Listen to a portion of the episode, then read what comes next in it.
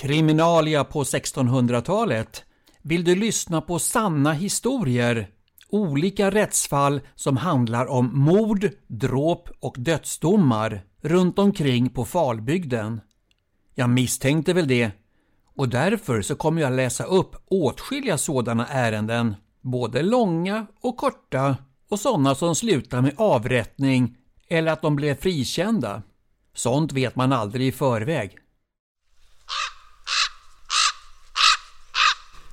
Kriminalia Rättsfall från Falbygden runt mitten av 1600-talet som berör mord, dråp och dödsdomar. Lagating den 22 februari 1649 i Visingsborgs grevskap men någonstans i nuvarande Vartofta härad. Hustru Ebba i en backstuga på Tumbäcks ägor i nuvarande Gustav Adolfs socken anklagas för att hon har för tre veckor sedan hårdeligen dräpt sitt barn, en flicka om fem år. Därtill så svarade hon att Gud vet sanningen om flickan dog genom hennes handverk eller inte. Då kom Anders i Hackeberg i samma trakt, en trovärdig nämndeman som berättade att han hade sett barnet efter det att det hade dött. Och det var så illa slaget med ris att hela ryggen var blodrosig. Jämväl synades barnet av länsmannen Johan i Dykärr i Habo socken och nämndemannen Nils i Holmen, också i Habo socken. Och det skedde strax innan det skulle begravas. Och de berättar att kroppen var alldeles blodrosig över hela ryggen och låren.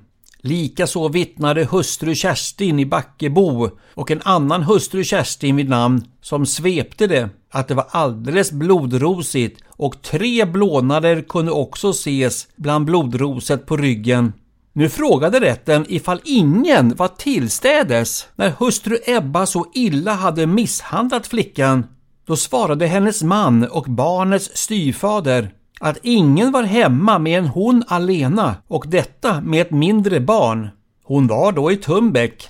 Så som vällärde inspektorn Lars Nilsson vittnade om. Denna inspektor berättade att han tidigare hade förmanat hennes man Bengt Larsson att han skulle hejda sin hustru så att hon slutade behandla barnet så illa men sade också åt honom att barnet skulle sändas till mormodern i Björnhult i Brandstorps socken, där hon hade varit tidigare.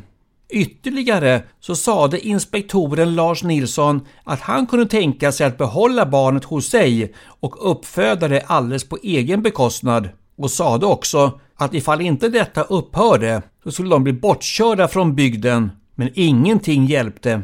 Tvärtom så hade Bengt Larsson flyttat därifrån om hösten och han kunde edligen vittna om att hon agade barnet hårt och utan anledning. Han sade då åt henne att sluta aga barnet, men det hjälpte inte. Hon fortsatte och slog barnet med ris, tog det i håret och sparkade det, samt svälte flickan ganska illa. Ingegärd i Finstorp kunde vittna om att flickans mormoder i Björnhult begärde att barnet skulle sändas till henne och samma gång nämnde Ingegärd att två kakor och ett stycke fläsk skickades till henne så att hon inte skulle svälta.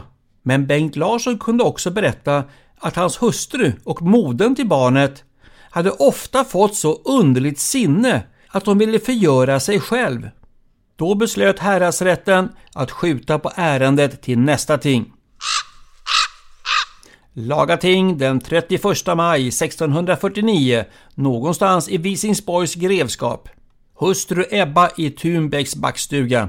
Akterna i hennes sak upplästes för nämnden i syfte att fatta ett beslut ifall de kunde fälla henne för viljedråp eller om barnet blev dräpt av en händelse. Men eftersom barnets fader, Sakarias i Kyrkered, är borta sköts ärendet till efterföljande ting. Lagating den 1 oktober 1649 någonstans i Visingsborgs grevskap. Hustru Anna i Thunbäcks backstuga med sin man Bengt Larsson kom för rätten. Då frågade man ifall barnets fader, Sakarias i Kyrkeryd i Habo socken, ville lägga skulden på henne. Men han hade lämnat bud och svar via en edsvuren nämndeman, Anders i Hackerberg, och sagt att han därpå ej kunde tala eftersom han vet att hon inte var vållande till detta vilket också Sakarias fader, Lars Eriksson, samt Sven i Kråkered betygar att detta är Sakarias egen bekännelse. Därför sades hon, hustru Anna i Thunbäcks backstuga, vara alldeles fri, både för bot och ed.